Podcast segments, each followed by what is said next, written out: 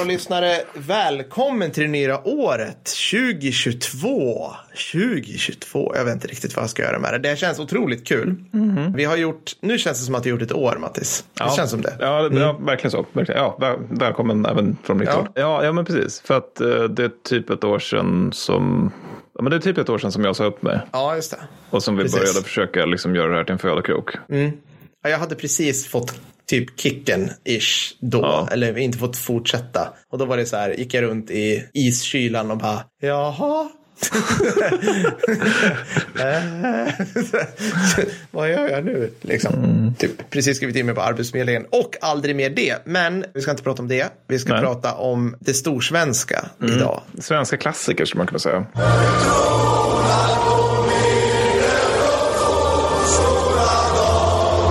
Alltså, det kommer bli så fantastiskt. Mm. Jag älskar det. Och så tänker jag så här, jag, försöker komma på, finns det någon sån här framtidsfilm som utspelas 2022? Vi har ju bränt igenom, 2015 var ju väl, det var ju tillbaka till framtiden mm. två, va? När de åkte, ja. eller hur? Det ja, var 2015. Va, uh, Blade Runner, när utspelade det sig? Fast det är typ så 20... Det är typ om fem år eller ja, något. Alltså, det, det, det är alldeles strax så. så kommer, kommer all, allting kommer se ut som ett ne, liksom neofuturistiskt Tokyo av någon anledning. Ja, men alltså, framför allt så tycker jag så här, jag läser typ böcker och alltså, man, här, filmer och böcker som släpps nu eller mm. för några år sedan. Mm. De är fortfarande så här sjukt nära i tiden. Mm. Det känns typ som, ja men vad är det senaste Battlefield, så här 2042? Man bara, men inte, det kommer inte förändras så. Alltså, Nej, man har lite svårt att se liksom, det. det är så här, det härifrån? Lite liksom. fler drönare liksom. Ja, precis. Kanske, men inte det här med ja. att man springer kring en mech-suit för man har så här genomskinligt eh, så här, digitalt visir eller att man, man liksom, nu har enskilda soldater stealth-förmåga och sånt där. Nej. För det kommer vara för dyrt då också. Ja, alltså, det, är liksom,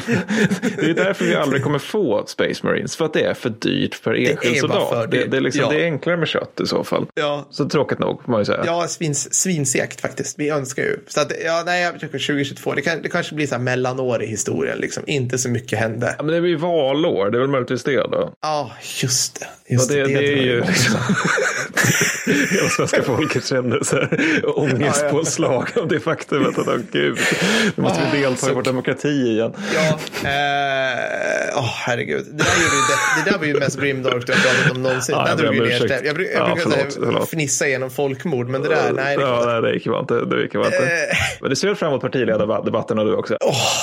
Ja, men kör. Nu ska vi släppa det där. Uh, jag lovar att inte prata politik. Vi har ju shoutouts också. Ja, det har vi. Ja, det har vi. Jag, alltså jag blev ju helt rörd här några veckor innan jul när Robert Vedmo på Twitter la upp en bild på sig själv och hela sin familj iförda vår medeltunga bandmatade kulsprute jultröja. Just det var sammansatta ord. så en enorm shoutout till dig. Också att du fick dina typ tonårsdöttrar att så här, ett, ta på sig tröjan, två, vara med på bild. Tre, inte såg ut som att de hatade allt fast de såg svårt oimponerade ut. Det, det köper vi. Det ja, köper vi. Det gör vi också. Ja.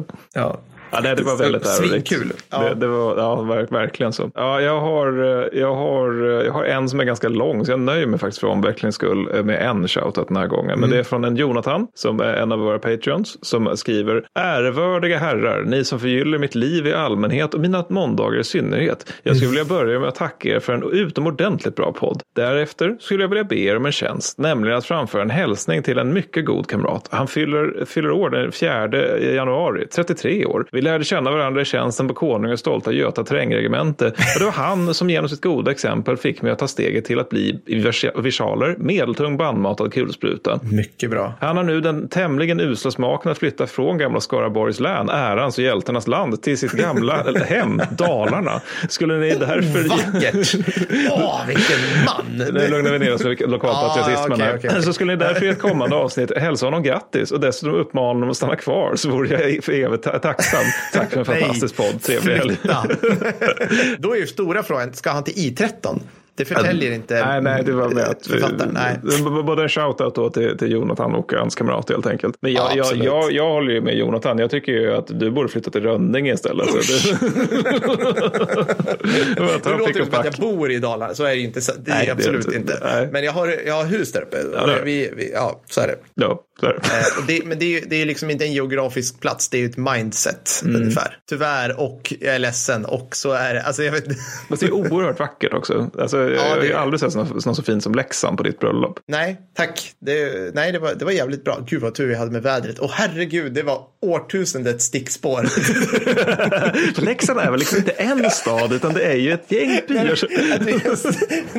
Hur, så här, någon, någon krigar in, oh jag vill höra om, om tunnan och 6503. Ja. Hade vi inte fint väder på bröllopet? Jo men det hade vi verkligen.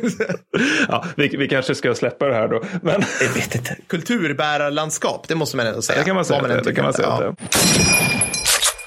Men, eh, men ska, vi, ska vi då för att återgå till ordningen då helt enkelt så slipper de med stickspåren och så kan jag köra lite tunna. Ja, får vi höra lite napalm. Och klacken tycker jag Mattis. Ja, det tycker jag. Det tycker jag. Ja.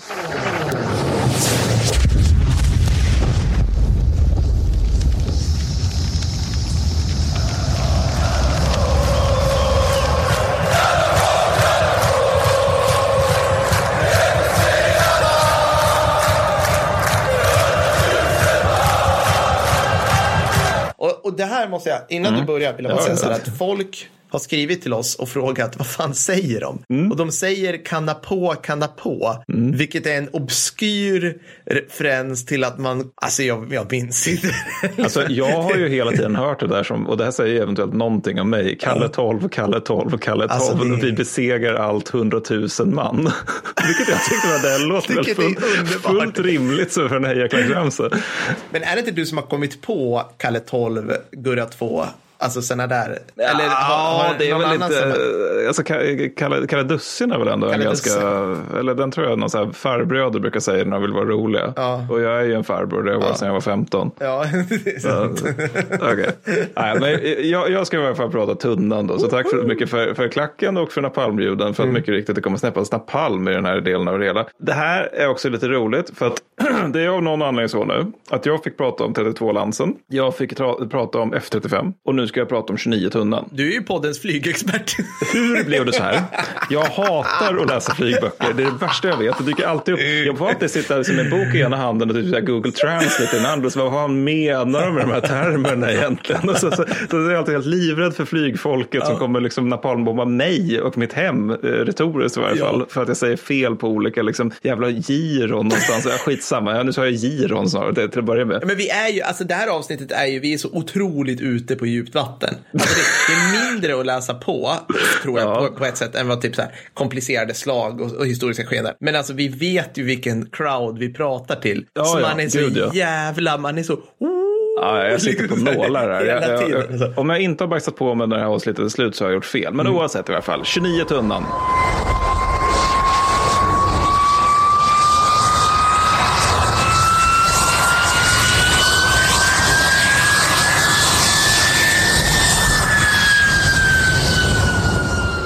Härligt, härligt, härligt. Det är då så att beredskapen, min gode vän, mm. den lägger grunden för det hela. Mm. Det är nämligen så att man, man har ju det här med att det är stökigt med att det finns ett andra världskrig och det är mm. också stökigt att Sveriges flygvapen under tiden är ganska pluttigt. Mm. Så man gör stora satsningar under andra världskriget då. Men med mm. tiden är liksom luftvärnet det är betydligt bitigare än våra flygande saker så att säga. Här har vi den här flyg, flygexpertisen återigen som vi hör om. Och jag antar att det är lite grann för att det är väldigt praktiskt att ha Bofors hemma liksom ifall man ska ha liksom lite LV-akan som pekar ja. uppåt mot olika nazistiska plan och sådär. Men redan 1940, för grejen är att det saknas inte ambitioner för det här, det får man verkligen inte påstå. Till, eh, till uh, luftvärnet eller till? Uh...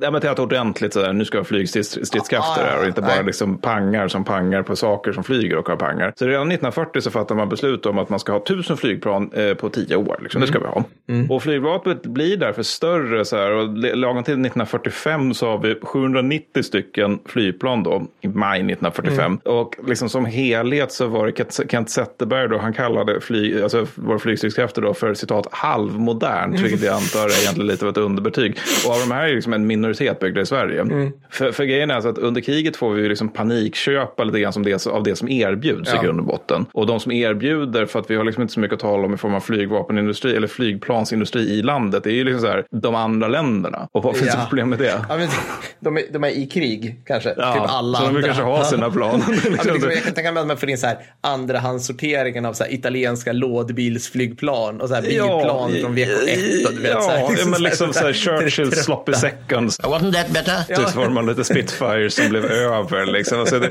Måndagsexemplaren. Ja, liksom. ja men, men precis. lite så. Vi var trötta där. Men det är lite, vi gjorde ju liknande med jagare till exempel. Vi köpte ju, jag tror, tre jagare från Italien. Och det gjorde vi alltså alldeles innan Italien förklarade krig mot de allierade. Ja. Så då kunde vi göra det. Men sen så när vi skulle köra upp dem så var, då var, var ju Italien i krig med de allierade. Sen så var det också rätt tråkigt med att Sverige när som helst skulle bli erövrat av Nazityskland. Mm. Så då ville britterna inte ge Hitler tre jagare. Nej. Så det blev en jagarincident. Det kallas Silanderaffären. Det är ganska kul faktiskt. Ja. Ett, ett ganska badass ögonblick av den svenska... Uh... Vi måste ju tillbaka till beredskapen mera känner jag. Ja, det ska vi göra. Det ska vi göra. Ja, ja, det var mycket. Mm. Men, men skitsamma. Men, men, det, men det är lite samma grej här. Liksom, att man, mm. man, man, får köpa in det som de, mm. de andra får över. Och grejen är att de här pressas ganska mycket över deras faktiska prestanda. Så mm. Det är nog ingen slump att av de 782 svenska soldater som dör under beredskapen, vilket är ganska mycket mm. ändå, mm. så är det 252 då från flygvapnet. Ja. Och det är nog just för att man, liksom, man, man har lite, ja, lite cowboyinställning till vad de här kärrorna kan prestera. Svårt mycket trial and error känns det som också. Alltså, ja. här, kan du flyga den här flygvapentypen, eller flygtypen? Bara, ja, hur svårt kan det vara? Eller liksom... Vi testar. Vi testar. Gösta kände sig tursam idag. Exakt. Men, eh, men, man, men, men, men, man slutar liksom inte med den här stora uppbyggnaden eh, i och med beredskapen. För liksom efter andra världskriget så inser ju svenskarna, okej okay, vi kan fan inte göra som vi gjorde efter första världskriget, att det blir aldrig mera krig, fred för all evighet, utan nu måste vi då eventuellt faktiskt ha lite gear här ifall det skulle hända, liksom spraka till igen. Så från 48 och framåt så toksatsar vi på flyget. Mm. Och till 50-talet så är vi faktiskt uppe i de här tusen planen man pratade om då. Och mm. det här är också så pass jävla mycket att stormakterna är för en gång skulle överens då om att kalla krigets norra flank har ju stabiliserats. Oh, för att västmakterna ja. de fattar ju att blir det krig så är Sverige på vår sida ja, ja. och Sovjetblocket mm. fattar liksom att blir det krig så är Sovjet, eller Sverige på deras sida. Vodka. Men just det här med att det liksom finns en svag makt uppe i norr. Det är mm. ju inte bra för någon egentligen. För det innebär ju liksom att man, man liksom, båda sidor kan känna att det finns ett tillfälle mm. här. Då blir det oroligt, det blir instabilt och eventuellt så kan det skorpa till sig. Men det här är det här säkerhetsvakuumet som pratas mycket om i debatten också. Som vi har, vi har mm. Varit slash är. Eller du vet. Ja, liksom. lustigt det där att vi, vi är dåliga på att lära av historien som vi svenskar. Men, men så kan det vara i varje fall. Men oavsett då så lyckas vi i alla fall. Just det här med att vi har tusen plan och dessutom en ganska modern typ vad det lider. Det leder då till att den här flanken är stabiliserad. Och därtill så är de här liksom, allt, till allt större del i längre tiden går svensktillverkade också. För mm. det är den här trista upplevelsen som var andra världskriget. Stå där helt jävla nakna utan någon så här vettig materiell till armé, flygvapen och flotta ja. som spelar en roll. Eller inte flotta. Och i det här då är liksom det starka luftförsvaret där då. Där har tunnan en helt central roll. Mm. Och tunnan den har en ganska kul barndom. För att det är liksom, man börjar skissa på den redan 1945. Vilket låter ju nästan som en slump. Var det ett barn som skissade på den till och med? För att den är ju ja, väldigt, man... den är väldigt rund och gullig. Liksom. När man ser på den så ser det lite ut så. Alltså, Nej, det var inte det. det, var inte det. men, men, men, man kan tänka sig att det kanske inte var bara en slump. Alltså, kriget slutar 45 och sen så börjar svenskarna göra jetplan eller skissa på dem. Hmm, vi kommer återkomma till det. ja, I varje fall så är det flyger 48 och den ser, börjar ser, ser, serielevereras 51. Och det här är ju sex år. Mm det är ganska snabbt att gå från skiss till oh, ja. serietillverkning. Ja. För att alltså, man jämför moderna stridsflygplan så har vi då F35 då, vad jag förstår så inleddes det projektet 2001 efter tävlingar man hade gjort 1996 mm. och första flygningen var 2006 och första stridsuppdraget var då för B-versionen 2018. Mm. Det är lite längre. Det är lite längre. Ja. Det är lite längre. Det är också i och för sig lite mer avancerat än vad det var på den här tiden. Där alltså, vi sätter en jetmotor i någonting, och en brödrost eller någonting, på den, så trycker vi on så sätter vi akan på den också. Ja. Men totalt så lyckas vi då göra 661 stycken av alla varianter. Då, fan, fan mycket. Det är mycket. Jävligt mycket. Det, det, är, det är klacken mycket. Alltså det är liksom... det, är, ja, det är Tre Kronor i mål i hockey. Så vi behöver nästan så svensk industrihistoria-klacken eller något. Ja, folk som kan, vi står och... kan vi ha någon sån stånghammare som bankar?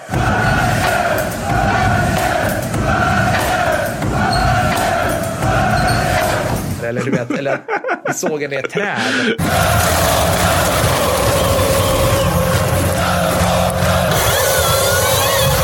Ja, det måste finnas något ja, det tycker jag, det tycker jag. Men oavsett så, det motsvarar då ett färdigt plan per dag i Linköping när det är som mest intensivt. Jävlar. Och det här då mm. är för ett plan som består av 16 000 delar mm. som kräver då 13 000 specialverktyg för att montera. Så det är en jävla regi på det där. Alltså. Det, det, är typ ett verktyg per del. Alltså, det, ja, liksom... det är väldigt nära det. Det är väldigt ja. nära det. Det är också ganska imponerande. Men då har vi det där med att det kommer 90, eller 45 då. Då är det där grunden är på sätt och vis tysk. För det är nämligen så att Saabs forskningschef Frid Wenström, vilket mm. låter som någon som har en attachéväska, en liten hatt och en trenchcoat. Han har nämligen, han tog del av tysk jetforskning i Schweiz alldeles efter krigsslutet. Ah. Och då får han då, han får då alltså någon form av, alltså, får ritningar då av en privatperson som har kopierat ritningar då från de olika så här obehagliga nazityska labb då. Och det här smugglas ut på en mikrofilm, det är en potatis. det är lite den känslan. Alltså. Ja.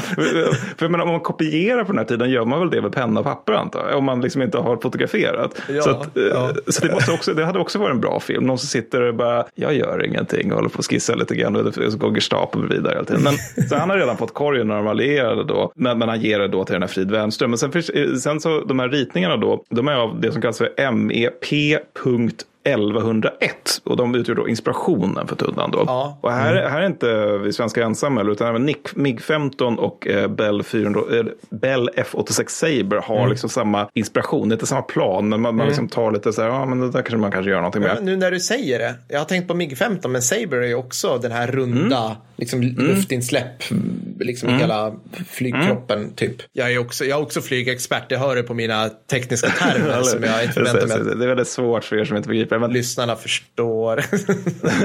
men inte minst är det just pilvingen som tunnan har som är häftig. För det. Det, det, innebär då att pilvingen är vinklad i förhållande till flygplanskroppen. Mm. Medan innan så gjorde man inte så i grund och botten. Nej. Och den är generellt ganska cool för tiden. För liksom det första serietillverkade pilvinge, eh, pilvingade jetjaktplanet i Europa. Mm. Det var en mening med många stavelser. Mm. Den ska då utgöra stommen i det svenska flygvapnet, vilket den också kommer att göra. Och 1954 så är det det snabbaste jetjaktplanet i världen, mm. vilket är lite coolt. Mm som tar två världsrekord i år fast på olika sträckor. Och den är också först med, det här vi kommer till den här jävla, jag ber om ursäkt nu, nu, här och nu flygfolket. Alltså det, det, jag, bara, jag gör det. Men först i Europa med en stabilisator. Vad är då detta Per? Uh, alltså det kanske är typ att när, hans, när piloten sitter på, på den här, att det liksom är fjädring i hans sits. Så att han mm. liksom, nej nu, nu spelar jag dumt. Det har ju någonting med fart att göra såklart. Ja, Eller, det, det, det, det, den, den hjälper piloten att hålla fart och höjd även vid mycket höga hastigheter. Mm. För, för att det, innan så har man propellerplan och då, mm. de går ändå förhållandevis långsamt. Då, så då behövs inte riktigt det. Men nu så ska nej. vi upp nära ljudhastigheten och då, då, behövs man någonting sånt där. Och orsaken till det, det är ju då att piloten ska kunna göra någonting annat än att hålla rätt fart och höjd. Mm. Till exempel typ motta order slash förgöra ryssar. Alltså mm. det, det är bättre om man sysslar med de uppgifterna ja bara liksom så här, var är jag någonstans, hur snabbt åker Sen det andra är då att skevroden förses med hydrauliska servon och det här är också ganska coolt för tiden. För att det här mm. gör att flygarna, alltså piloten måste inte använda muskelkraft för att påverka rodren. Ja, för det där, det där tänker man ibland på liksom folk så här, you gotta get her up man, du vet när de störtar i filmer så här, mm. Mm. och så är det någon som drar och man bara, ja, precis. varför, ja, det är väl bara, alltså, det är väl bara ja, att dra. Eller, eller jag fattar inte. Ja. Varför, Nej, men på äldre plan så behöver du alltså ta i med din muskelkraft. För att det, du får ingen hjälp av någonting annat. Det, och det är roligt att det här gäller även stridsvagnar. Alltså T34 som är baktalat många gånger. Mm. Den har ju alltså inte den här typen av hjälp. Det är däremot Panter som internet ofta baktalar. Utan den, den har en växellåda där man alltså med handkraft ja. måste tillse att kugg, alltså kugghjulen hjulen i växellådan klick, klick, klick, klick. Ja. Så. Det gör att man alltså, efter, under långfärder med T34 då måste man alltså ha dels föraren men dels också har jag för mig laddaren som liksom tillsammans då liksom håller på att mecka med den här för att det är så jävla tungt. Just men det, det, lite intressant är också att alltså, piloterna mm. och ledningen i flygvapnet de vill absolut inte ha det här. Nej.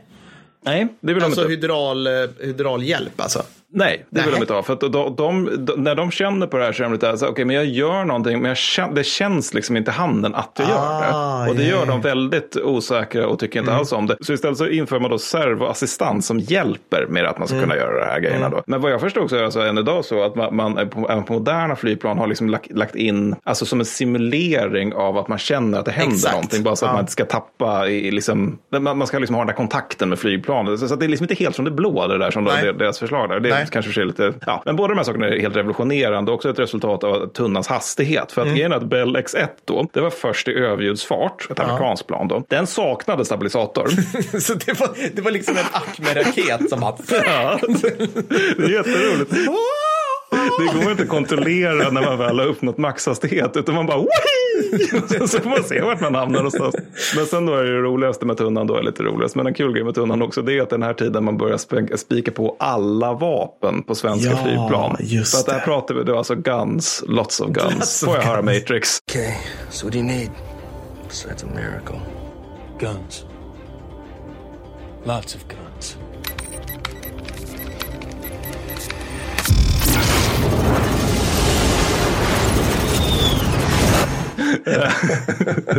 För det är att de de har, alltså alla versioner har det gemensamma att de har fyra stycken 20 mm akan, vilket är i sig ganska många akan. Då. Och det är ja. härligt i sig. Då. Men sen har de också två stycken 200 kilos brandbomber modell 51.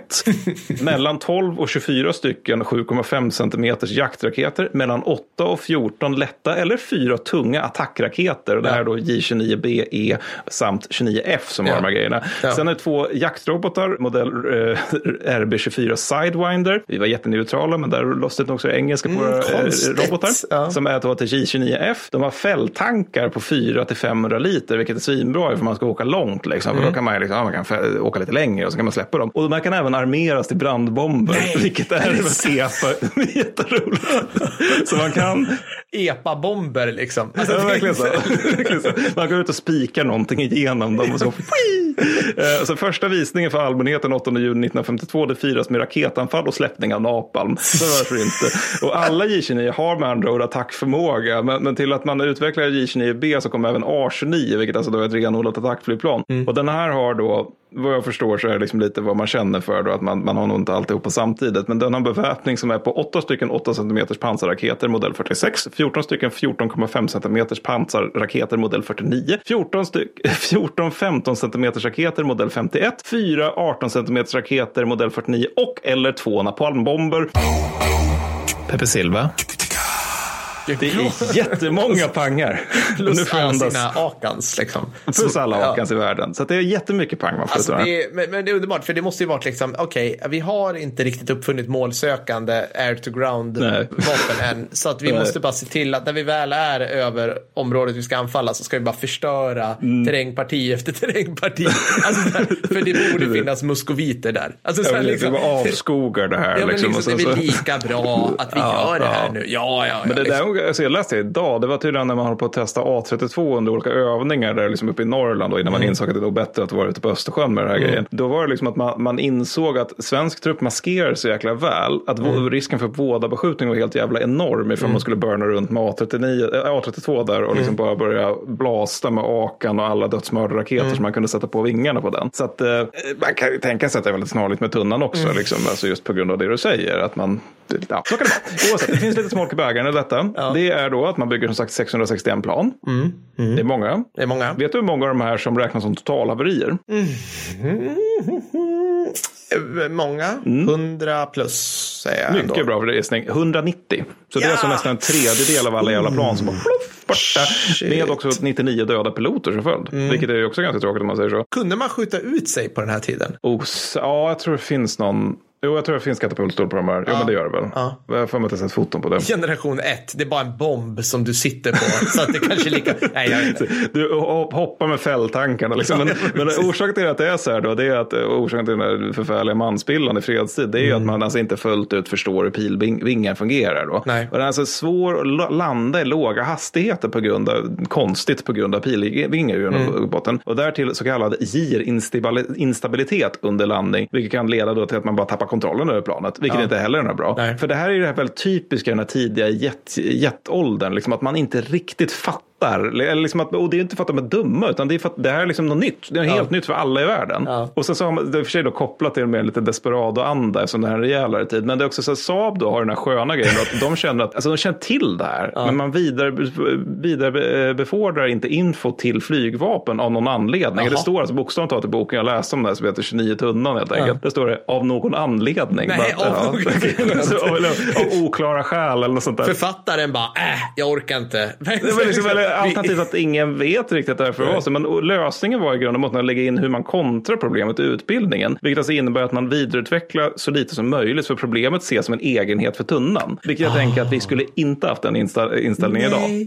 Särskilt inte när folk dör på grund av att den har citat egenheter. Men liksom så här, vi måste göra flygarna bättre. De är lite crappiga. Alltså, precis, liksom... precis. Men liksom, att, då får man bara lära sig. För ja. det här är väldigt dödliga egenheter. Liksom. Men, men, så kommer också, det här kommer också liksom spöka lite grann i svenska mm. flygvapnet. För det är lite snarlikt med drakens dubbeldeltavinge. Det vill säga mm. att man, mm. man, saknar kunskap om hur mm. den fungerar när man flyger med den i väldigt höga hastigheter. Alltså man, man har ju teoretisk kunskap naturligtvis. Men det är en annan grej när man är pilot i planet mm. uppe i luften. Och ifall tunnan så utvecklas utvecklas heller aldrig någon tvåsitsig skolversion. Aha, okay. Och vad innebär det då? Jo, det innebär att istället så får piloterna 14 dagars teorikurs och ja. sen så får de flyga runt lite grann med J28 Vampire, vilket mm. är kul. Mm. Och sen så börjar de runt lite grann på flygfältet innan man flyger då. Mm. Och sen så är man helt plötsligt ensam med det här jävla planet 4000 meters höjd. Ja.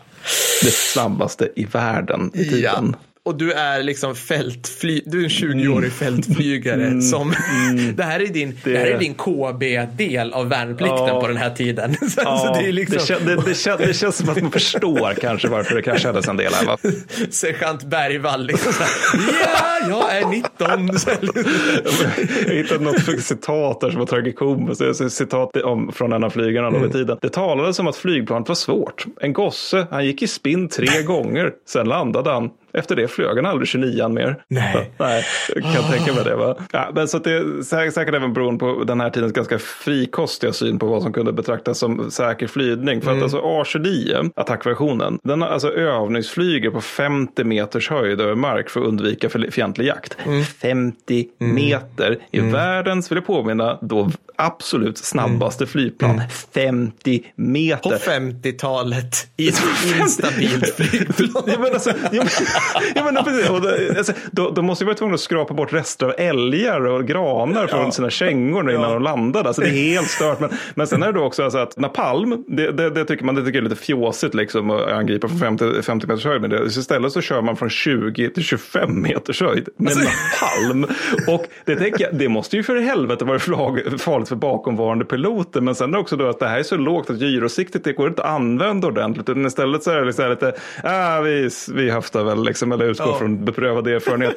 och det här är en övning då, och det här togs upp då som ett exempel på att man ändå hade god träffbild. Men jag vet fan, för under en övning så släpps napalm 200 meter från egna förband. Det vill säga svenska värnpliktiga. Och här måste jag bara säga det jag tror att vi alla tänker. Vad i helvete! För att alltså, det vi ska komma ihåg är att moderna amerikanska... Redigare förr. Det är det enda jag kan säga. Alltså, jag gör lumpen. Oj, min musche brann just upp. Ja. Nej, men alltså, i, I det moderna då, då antar jag det, utifrån det perspektivet veka amerikanska försvarsmakten. Mm. Där räknar man 600 meters avstånd från egen trupp när man liksom sätter in tunga resurser och pang-pang i största allmänhet. Fjantigt. det räknar man som danger close. Ja, ja. ja. Men jag minns när, vi, alltså, när man har varit på sådana här verkansförevisningar på skjutfält och de ska dra en stridsvagnsmina. Alltså, man, man är ju en kilometer bort känns det som. Alltså man är minst 500 meter. Bara, vad händer något? 200 meter och napalm från flyg. Ja. Alltså det är... Får vi höra klacken?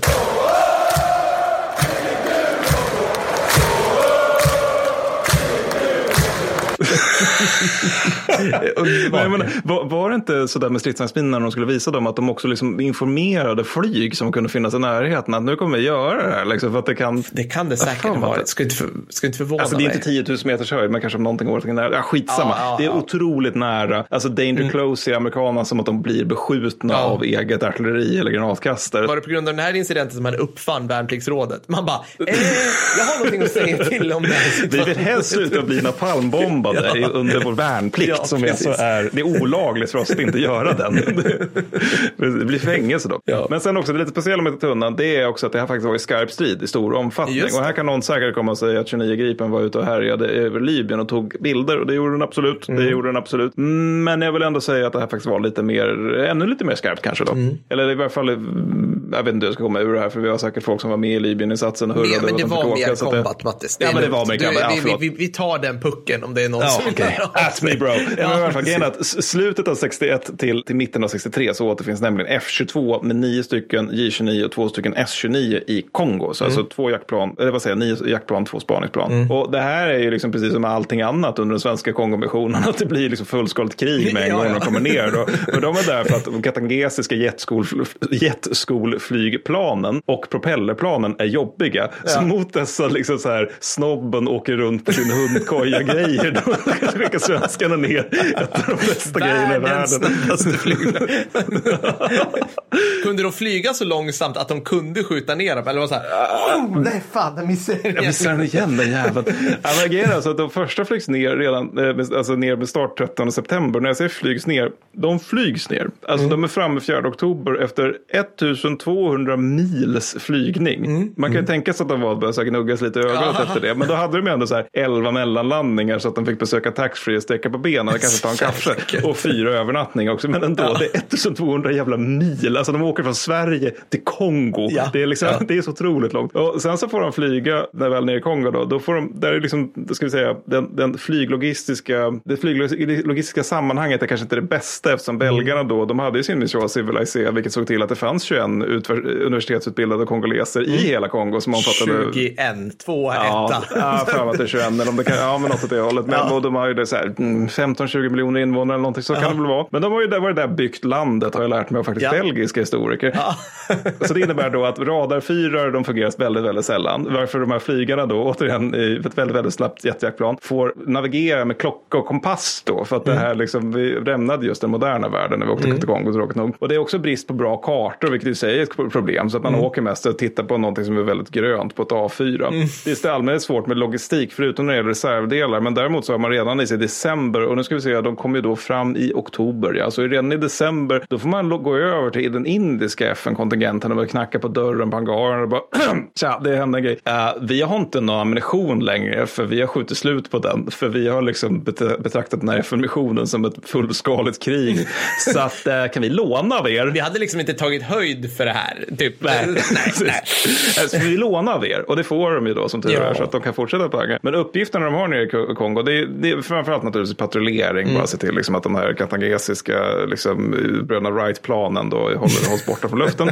Sen är det spaning förstås då. De har ju två stycken S-29 med sig. Och sen är det också attackuppdrag och de gör, genomför en inåt helvete massa. Och det är alltså inte minst mot flygfält men också mot järnvägar och lok. Det är liksom hela tiden när man läser om det här. Då är det liksom att man skjuter sönder katangesiska lok. Jäklar, finns det något pansartåg Mattis? Nej, nej, Hade det gör jag inte ingen det. tundan mot pansartåg? Ah, Ja, det vore så jävla episkt. Men alltså, jag tror ah, eventuellt något sånt där improviserat kanske där man har satt en kulspruta på taget. Men, Ja, men en ingenting av det där. pansarlok i Ja, Kongo mot en fin- tunna. Alltså, oh my god, gör den här filmen slash spelet någon. Ja, men vi väntar ju alla. Nej, men så bara i oktober och december 61 och framförallt då i december, för det är då man verkligen får läska på. Då avfyras 127 raketer och ett, 17 072 Akan-granater mot markmål. Och här vill nu jag minnas att det var något skriveri i Sverige under Afghanistan-missionen där svenska soldater hade, jag räknade på det hela då, att det var en pluton då, som, jag minns inte hur många de sköt, ut, sköt iväg totalt, men att de hade avfyrat typ 80 skott var eller någonting per soldat i plutonen under strid. Och det blev ett helvete skrik om det här i Sverige då, för att oj, men svenska soldater skjuter liksom. Då, sådär. Nu kan vi då jämföra med 127 raketer och över 17 000 Akan-granater mot markmål. Men, men ja, det var en lite annorlunda tid helt enkelt.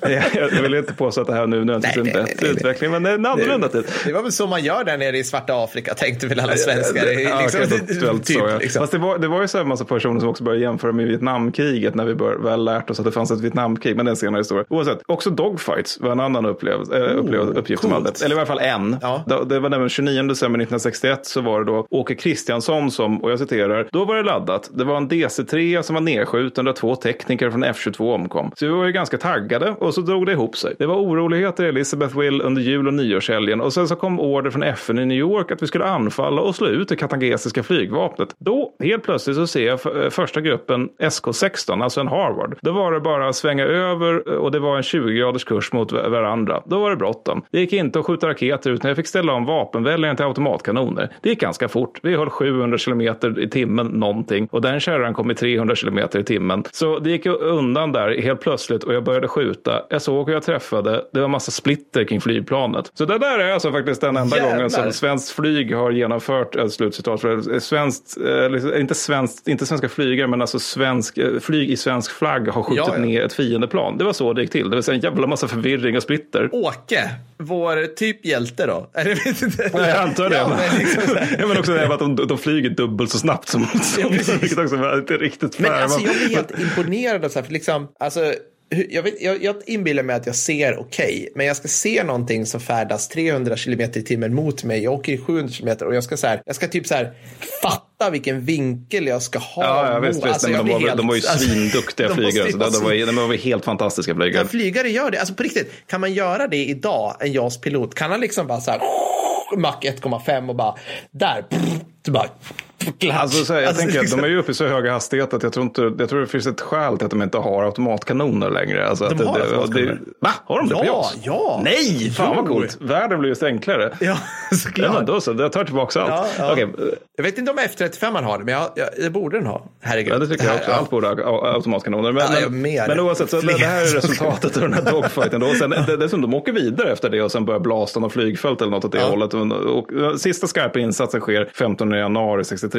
då, det mot fordon och trupp. Mm. Och förlusterna består i regel av lite haverier och skador på grund av markeld. Då. Och Mm. i regel så är det, alltså visar det sig i Kongo ett väldigt fältmässigt och robust plan. De kör lika mycket, mycket eller mer som allierade Canberras och F86 och Mm. eh, har där, trots det eh, lika många eller fler operativa plan. Och orsaken till det är dels att det är ett bra plan, dels också att där logistiken fungerar, det är när reservdelar, det är bara en stridström från Sverige att liksom, nu ska vi se till att de här grejerna flyger. Mm. Och sen också väldigt flitiga tekniker som väldigt motiverade och verkligen jobbar hårt. Sen slutet för den här tunna neran, det är i grund och botten, alltså det är inte något tragiskt med det eller så, det är att den fasas ut i förmån för draken. Och det är inget konstigt för att den är next level när det gäller flyg. Alltså Ja, det ska vi också snacka om någon gång, Jesus men den är Christ, svincool i största allmänhet. Det är ju ett satans kliv, måste jag säga. Liksom. Ja, ja, ja, ja precis. För där ser, där ser man något som verkligen ser ut som ett modernt jetjackplan. Liksom Ja. att, eller mm, ja, multifunktionsplan då. Men sen också när man pratat om allt det här med haverierna och förlusterna. Så jag, jag snackade om det när vi pratade om Lansen. Men på något sätt är det också att man måste ju. Alltså jag, jag, tror, jag tycker det är intressant. Vi har pratat om det tidigare här med de här enorma förlusterna i fredstid som flygvapnet Mm. drog på sig då. Och det, det handlar nog väldigt mycket om tidsandan. Alltså att man, eh, alltså man, Lansenpiloterna såg det ju som att de befann sig i krig. Det bara Mm. det råkade vara fred just nu. Liksom. De flög därefter. Och det verkar som att Tunnan-piloterna hade någon så här lite snarlik inställning. För jag hittade ett, eh, ett, um, citat från en sådan som han skrev då angående, eller sa då angående haverierna och förlusterna. Att, citat, vi flög och vi tränade i stor skala. Det kostade många liv, men det var det pris vi var beredda att betala för vår frihet. Slutcitat. Och det är väl det att de faktiskt verkligen såg det som att det här var på allvar. Alltså inte som att vi sitter och näsfnissar om det hela, utan för deras del så var det här att kalla kriget är ett krig. Det är bara liksom inte börjar skjutas än. Så. Nej. Vilket jag tror förklarar mycket av det här. Liksom, att mycket av den här desperada andan med att man släpper napalm 200 meter från svensk trupp och så vidare. Men det, det, alltså det är så sinnessjukt väsensskilt mot liksom flygvapnet av idag. Mm. Liksom, man blir ju så här, har, har liksom, armén har ju aldrig accepterat dödsfall bara för att det kan bli krig. Alltså förstår du vad jag menar? Liksom? Nej, det, nej, det är inte så nej. att det här, ja men du vet, Waffen SS 44, att de så här faktiskt skjuter skarp GRK på sina just soldater under GU för att de ska uppleva det liksom, och Ja, folk det. dör. Mm. Det, alltså, det finns ju ing, alltså, så det, Nej, sjukt unik del liksom. Men jag tror mycket av det handlar om att alltså, flygvapnet sågs ju som liksom en, alltså bara som vapenslag, som en krigsavhållande resurs. Ja, alltså att det, det, det var någonting som skulle se till att ryssarna verkligen inte skulle våga komma. Och Mm. då tränar man väl därefter. Alltså, alltså att det, det är så oerhört mycket medel som är satsat på det här. Men det är också en så oerhört viktig kugge i kalla krigsförsvaret. Liksom, Ja. att när de kommer, då kommer flygvapnet se till att de kommer blöda medan de kommer. Ja, ja, men det är ju typ så. Detta avsnitt i den svenska ingenjörskonstens tecken sponsras av ingen mindre än Gösta Pansarsson. Det är oklart om efternamnet är taget. Mm. Han bjuder in dig till sin workshop. Är du också ett svenskt snille? Frågetecken. Ni kommer att sitta och slentrianmässigt revolutionera ett dussin olika tidlösa militära lösningar i hans garage utanför Bromölla. Han kommer stå för galoas utan filter och kaffe på fat medan du tar med blyertspennor, linjaler, skrivmaskinpassare och suddgummi. Sen kommer ni dela på de sinnessjuka pengarna som ni får när ni säljer patenten till BAE Raytheon och Lockheed Martin. Mattis, du har redan eh, uppfunnit en stridsvagn, fast med två kanoner, va? Jajamän. Ja. Eh, Gösta delar även ut en pris för bästa kamrerutstyrsel. Ni vet, som en riktig byrådirektör. Lycka till!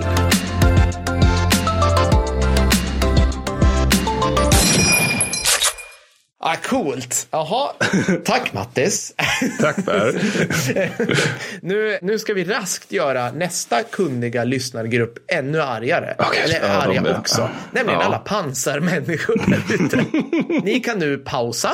Och sen kan ni gå ut, meditera i 20 minuter och sen komma tillbaka till avsnittet. Ta frisk luft. Jag tar lite frisk luft. Jag ska prata om stridsvagn 103 S-Tank, eller The Swedish S-Tank som det heter. Mm. Och det här är lite av det svenskaste som finns kan jag berätta för dig Mattis. För att Mm. återigen, alltså det börjar under beredskapen. det är klart. Ja, då är det som så att Svea rike kommer någon gång i början på 50-talet fram till att vi ska ha en tung stridsvagn. Jag kommer tillbaka till andra världskriget strax. Mm. Vi, vi behöver en tung stridsvagn. Tung på den här tiden är 30 ton. Fniss. Alltså det är typ, ja, alltså det tyckte man var tung. Jag vill, Men liksom, vadå? det, Alltså, tyska medeltunga vagnar är ju 40 ton. Ja, men nej, vi tyckte Nej, tung. okej. Och alltså, Ja, jag, jag vad gulligt. slutcitat. Jag, jag tyckte också det här var roligt. Idag, alltså stridsvagn 122 idag väger mer än det dubbla. Tror det är Just det. 69 ton Just eller något det. sånt där. Ja, men då kliver Sven Berge in. Låt mig berätta om Sven Berge, Mattis. Det här är Late alltså... on me.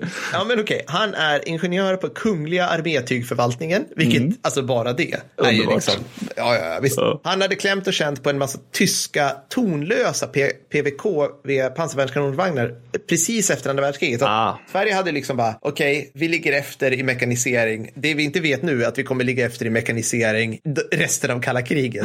Men, men vi försöker åtgärda lite grann. Så att vi, har, vi har tagit hit massa vagnar som tyskarna har donerat, slutcitat antar jag. Och Berge då var på plats där någonstans och fick klämma på de här och blev liksom bara, men det här var rätt bra skit. Liksom. Hur riktar de? Och du vet, han, han liksom skissade ner det där och funderade på det. Sen då Jagdpanzer och sånt där. Sen då satt han och jobbade. Det här är, alltså, det här är på riktigt liksom. Det här är så jävla fantastiskt med Sverige. Jag ska bara ta det här. Liksom att vi har, vi har så enskilda, begåvade, nästan grå eminenser som bara, nej, men jag uppfann granatgeväret på en här, Satt på kafferast. allt var, Ja, allt var möjligt liksom. Så Sven satt och jobbade en lördagkväll i augusti 1956. Nej. Denna, denna byråkratiska superhjälte. Ja. Och uh, försvak, försakade familjen som firade sommar i Bohuslän. För rikets väl, så alltså, ta ja. till er nu för helsike. Ja. Sen kläckte han idén om att, alltså så här, han, han måste liksom som att 103an i, i liksom sin dåvarande, nuvarande form hoppade liksom rakt ur honom, eh, kan jag tänka mig att det var. För att han kläckte idén att liksom, nu ska vi, vi ska skapa en vagn, en helt revolutionerande vagn, där körning av vagn och inriktning av pjäs är samma operation. Så du ska ha en, du ska liksom, tänk dig en tv-spelskontroll för allt. Det ska inte vara liksom, vi kör med den här ratten och sen pausen stannar vi och sen riktar vi in med den här skruven eller något så här. Utan alla kan ha liksom samma modul som man nyttjar för allt det här. För du riktar ju vagnen liksom med att flytta vagnen. Ja, det hoppas ja. jag att alla säger. Det är en tonlös stridsvagn där. Det börjar vi från början. Ja. ja. En svensk stog skulle man kunna säga till alla wearables där ute. Precis, precis. Och sen knappt liksom, alltså han bara, hur, eureka, mm, förmodligen. Sen liksom tjatade han på sina chefer tills, och de bara, ja, ja, ja, du får skissa vidare på det här. Den har inget, det ser ju inte ut som en tiger och det är ju världens bästa stridsvagn, det vet ju alla. Han bara, nej, så är det inte. Återigen, du kan ingenting. Nej. Men Två månader senare hade Sven då lämnat in en, ansö- en anmälan om uppfinning. Och där skulle man kunna säga att resten är historia och sen att man bara pausar. Och det är typ det, för att folk, alltså det, det är liksom en, det är en våt dröm för ingenjörer. Framför allt på den här tiden. För att man tar det lite av det tekniska. Och nu blir det storsvensk, så håll i er. Jag tycker vi får börja med klacken rakt upp och ner.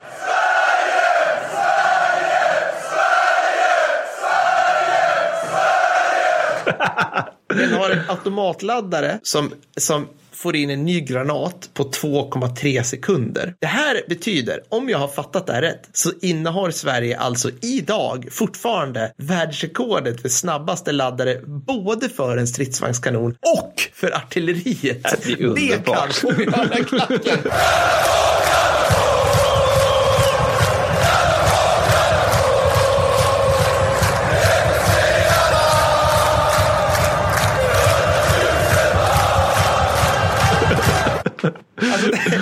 ett litet glest befolkat land i norra Ja, ja. Europa som har tre fabriker, skog. Två Alltså, det- skomästare, skomakare, en smed. Ja, precis. Där är länsman. jag, liksom, jag är helt, jag, jag bara, what the? Alltså, var, jag, bara, jag liksom så här, varför är inte den här på export? Ja, För det är undrar liksom, jag. jag. Jag kan läsa jättemycket så här om att, alltså vi kommer till det också, men liksom var den bra, var den dålig och det är folk som säger mm. det här var lite dåligt. Ingen har klagat på automatladdaren. Ingen ens, alla bara, den här är världens bästa. Ja. Jaha. Klart. liksom. ja, ja, check. Men okej, okay. varför har vi inte sålt den? Alltså vi säljer ju allt till alla. Varför är det inte? Ingen aning. Den kunde även liksom, och, och, och den automatladdaren satt längst bak på en, en pjäs som var det, liksom det längsta 10,5 centimeters eldröret som man kunde ha. Så det är inte alltså 12,2 mm. som är dagens, men det är 10,5 vilket var jävligt bra penetration mm. då när den här vagnen liksom började komma ut på förband eller man ska säga. För det är väl också att den är så inåt helvete lång för att den liksom är liksom in, inbakad i själva vagnen också? Ja, den fortsätter ju hela vagnen mm. i princip. Så att, och det här är en del av liksom grejen då. Att du har ju, så den, den går in i vagnen. Vi, vi, det finns miljardsprängskisser och skit som vi ska lägga upp. För det här är faktiskt rätt coolt. Ja. Och sen har du automatladdaren och den plockar upp ammunition från liksom en separat ammo-förvaringsdel av vagnen som är separerat från eh, besättningsutrymmet och lågt i vagnen. Så den är liksom väl skyddad, mm. skulle man kunna säga. Hur som haver, så 2,3 sekunder, vilket gör att den här också kan ge sig på attackhelikoptrar. Nej. På den här tiden fanns det inget som kunde ge sig på attackhelikoptrar. För att, jo, men för att, för att siktet ja. är så pass bra att på tre kilometers håll så kan det skjuta på attackhelikoptrar. Och då tar det, om jag minns rätt, tar det sex, det måste ta sex sekunder, eller var det tre sekunder för granaten att färdas och träffa ja. helikoptern. Ja. Men det tar på den tiden tog det 20 sekunder för en, för en, en robot. Och på den tiden, nu pratar jag liksom 60-70-tal det är ju det coolaste jag har hört. Vadå, så de, de, skulle bara, de skulle bara ställa sig på en slänt, liksom bara vump, vump, de, de, de, skulle, men de skulle kunna sitta, de skulle kunna stå i sina stridsställningar om du var, om du var väl inom sättningen. Så bara helikopter för, ja. och så ser man hela, hela vagnen bara guppa ja. på bandstället. Alltså ja. det, är, det är helt sjukt. Det finns bilder på det. Eller klipp grejer. Okej, men jag måste fortsätta. Ja. Hur som haver. Eh, den hade trebandsbesättning, den hade två olika motorer, en gasturbin och en kolvmotor. Mm. Den hade bakåtförare inom parentes utropstecken. och där gissar man bara liksom, jag vet inte, med tanke på hur svensk värnpliktsutbildning är generellt, att man, ja. man hade relativt otrevliga tester som vaskade fram de minst åksjuka värnpliktiga i den pluton. alltså typ såhär, den som kräks sist. Just det, just det. För, helt ärligt, alltså, ja, har du sett, alltså, nej, jag vet inte. Jag vet ja. inte. Och du, ja. ja. Sen då, alltså sidohöjdriktningen fungerade på genom ett dunderkomplicerat hydraulsystem. Och det här, att fundera över det här förvandlar min hjärna till riskensgröt. Jag kan liksom inte, Nej. om man är intresserad så finns det säkert pansarmänniskor och massa sidor där ute ja. eh, som vi kan länka till som kan förklara det. Fullständigt amfibisk och simmade i 6 km i timmen. Och då kan man fundera så här, men okej, vad skulle den användas för? Alltså, nu kommer vi in på det här under, underbara som är svenskt för mig. Mattis, du, du nämnde att attackversionen av 29 hade åtta stycken Akan. Mm, fyra. Fyra? Mm. Ja, men hade inte attackversionen fyra till? Nej, fyra. Um... Fyra duger ja. för min prata ändå. Det är. Ja, det är bra. Så att nu, nu tänker vi tidigt, liksom, slutet på 50-talet, början på 60-talet. En ingenjör. Ja, men eh, vi har satt en som brukligt, en KSP 58 vid vagnchefens lucka som man kan skjuta framåt. Major på plats bara, mm, skulle man kunna ha fler KSP kanske? ja, jo, men typ en till. Majoren på plats. Stirrar. Två till. Vill du ha två till? Bra, perfekt, framåt bre, kör. För det här är nämligen som så att, att, att någon bara, okej okay, men alltså, vi behöver mer guns yeah. på den här. Vi behöver lots of guns. Guns, lots of guns. Ja. ja, men räcker det inte? Alltså, jag menar, vi har ju den här liksom 58. Nej, det ska vara två till. Så man har alltså satt två stycken chassilagrade 58 som är bara framåtriktade i all i dödlig riktning. Och de är liksom absolut, de är så här koaxialmonterade, ja, lalala. Men det, men, liksom, men det är koaxialmonterat på ett fordon utan torn. Ja, precis. Så att, så att, och, och den här skiten alltså, som vi kommer till också, den var ju framtagen för försvarsstrid mm. kan man säga. Mm. Eller stridsvagnsstrid. Men, det, ja. men den tillfördes till liksom pansarbrigader i Sverige på 60 och 70-talet, ja. vilket var utpräglade anfallsförband. De visste inte hur man försvarar. Så det du kan tänka dig med att det är ungefär så, men det är precis som stridsbåtarna som bara, eh, som liksom när Östermalms båtklubb bara, ja, alltså vi vet inte om det finns muskelviter på den här ön som vi ska ta tillbaka, men för säkerhets skull så har vi tre tunga kulsprutor per fucking båt. så vi lägger en fyra på rad, full gas och så dränker vi kobben i fredskap gapande pansarbrand, spräng, tjo hej, nu kör vi. Alltså det, det är så jävla mycket bly i luften. Det, det måste ju ha varit liksom att man, man liksom pansarbrigader bara, ja, tillräckligt mycket 762 i rätt väderstreck löser nästan alla problem. Det, alltså, för det, det, det, finns ju inget sätt för dig att sikta, utan det, du ska bara, Åh! Men, men, men alltså, hur avfyras, alltså, är, är det skytten som också har någon liten så här vapen, alltså att han kan trycka på Alltså, en jag annan knapp det, och sen så händer död? Jag, jag antar att död händer. För att liksom, precis som alla andra stridsvagnar på den här tiden kunde inte den skjuta under gång. Alltså med, huvudkanoner. Men du skulle ju ändå, likt förbannat skulle du in i dungen. Och, så att du måste ju bara ha sprayat med allt. Det finns ju sådana här underbara bilder som blir så jävla mycket mer combat nu. Där man ser liksom, alltså det är, det är så här svensk attackpropagandabilder. Det är liksom tre, fyra stycken 103 på rad och sen så här PBV 302. Och sen har du svenskt liksom köttmursskytte som springer mellan de här fordonen. Just det, just det. en k-pist. Ja. alltså är och då kan man ändå tänka sig att 103 bara alltså fällde träd med 762 framför sig. Ja, Med, ja. med 58 liksom. Det är ganska coolt. Så att återigen, man kan alla för många be- medeltunga bandmatare. Och jag pratade med en kille, det, nu måste jag ta det här också. Jag har, alltså Mattis, Ja. vi, jag förväntar mig att det kommer in ett pris snart från någon så här Kulturrådet. För att återigen så har jag pratat med tre primärkällor. Det här. Varav, varav en tjänstgjorde på 103 och ut, alltså grundutbildades. Det är alltså som jag sa i förra avsnittet, alltså fler än många populärhistoriska verk innehåller. Ja, ja, precis. Vad bra. Så att jag vill bara säga det. Och en av dem säger då liksom att, eller han som är utbildad på att, att eh, de här 58 de var också tänkt, vilket är jävligt kombat och extremt, alltså så ohyggligt optimistiskt. Det var så här, om vagnen skulle bli utslagen var tanken att vi tre i besättningen kunde ta varsin 58 och fortsätta kriget.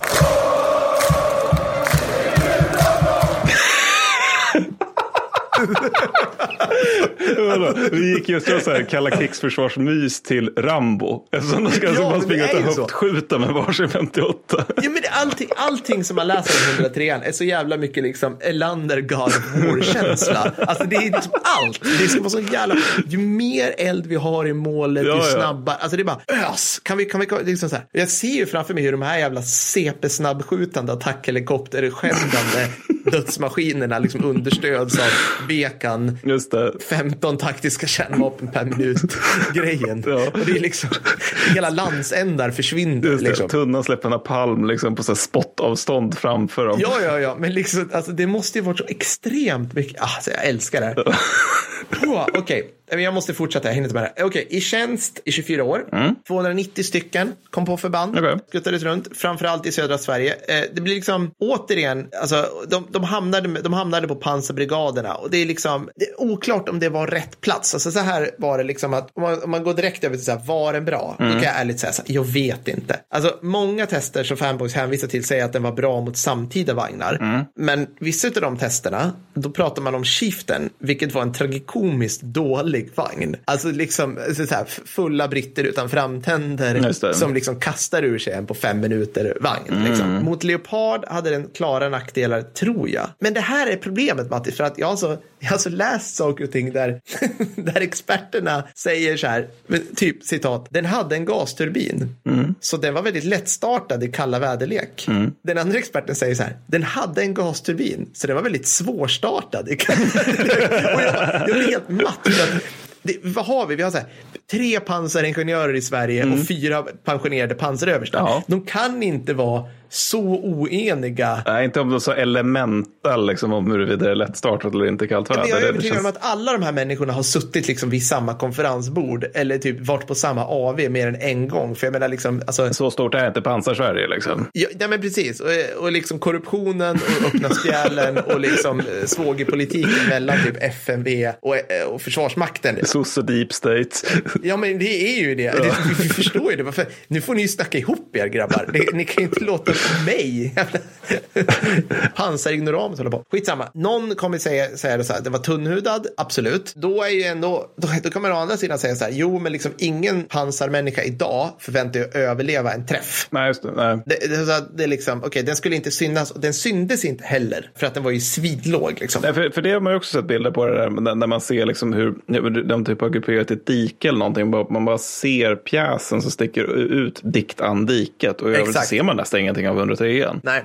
Så det är ju awesome. Mm. Sen var det liksom så att den är ju liksom, ingen säger ju, ingen säger egentligen att den är, eller vi, vissa säger så här, okej, okay, hur bra var den på försvarstid då? Ja, man kunde se den på långt håll för att man såg liksom, man såg den skimrande luften ovanför gasturbinerna. Mm. Om du kollar på typ så här en, en, um, Abrams, liksom, Mm. den är en gasturbin, då skimrar luften ovanför. Ja, visst. Man kunde se den när den, kunde, när den vred tornet, om det var mycket damm så rev ju den upp damm om den skulle ja, rikta. mm. Men allt det där, liksom, ja, jag vet inte. Jag, jag tror inte att en CP-stressad skytt slash vagnchef på en så här, kommunist T62 som precis landstigit till liksom Ravlunda och kör full kareta mot Lund.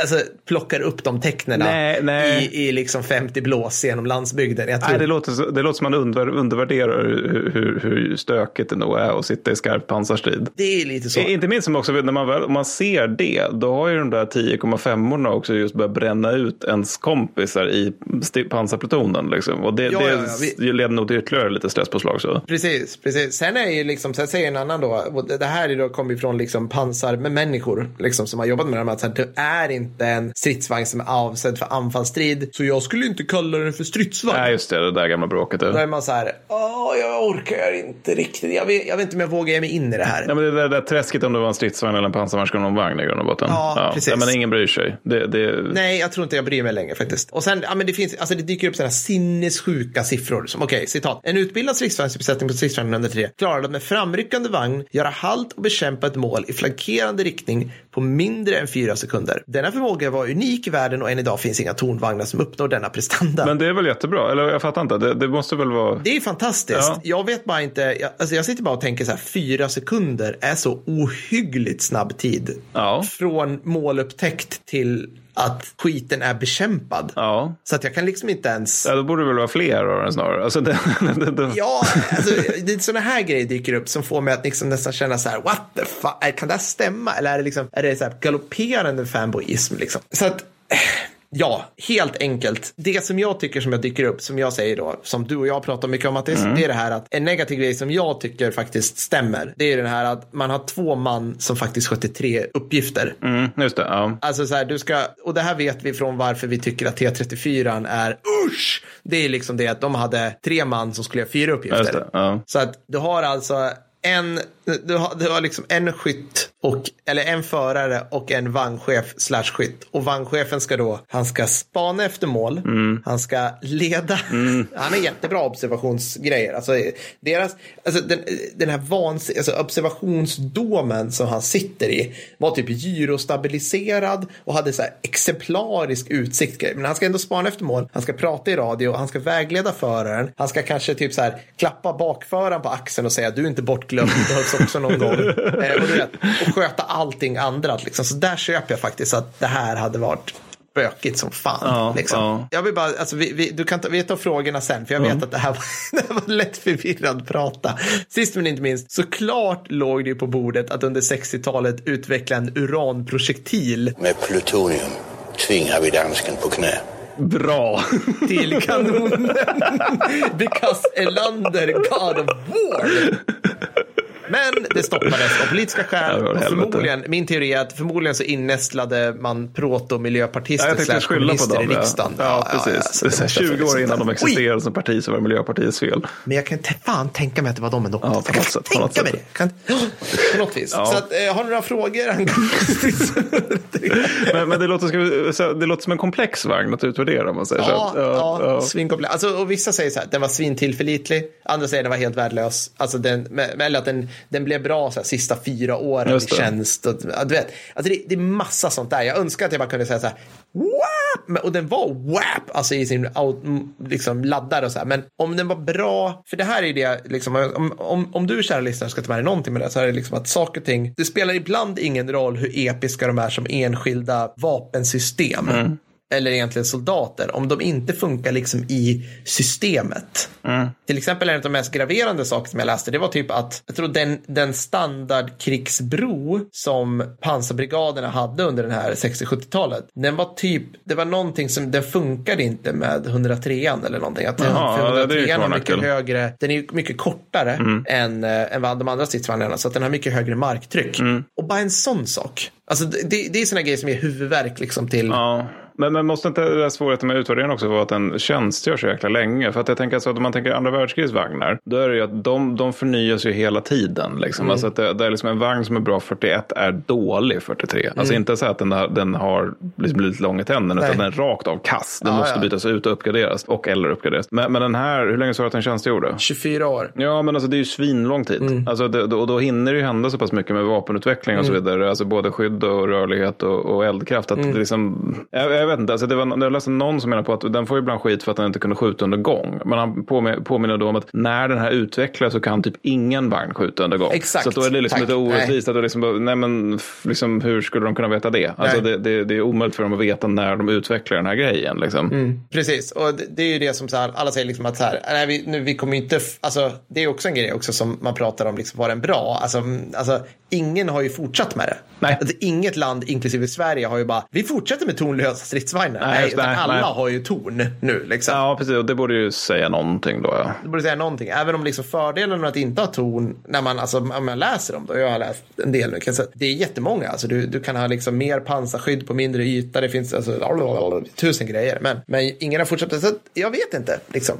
Mm. Annat än att det är fucking storsvenskt. Ja, kan vi få höra klacken igen?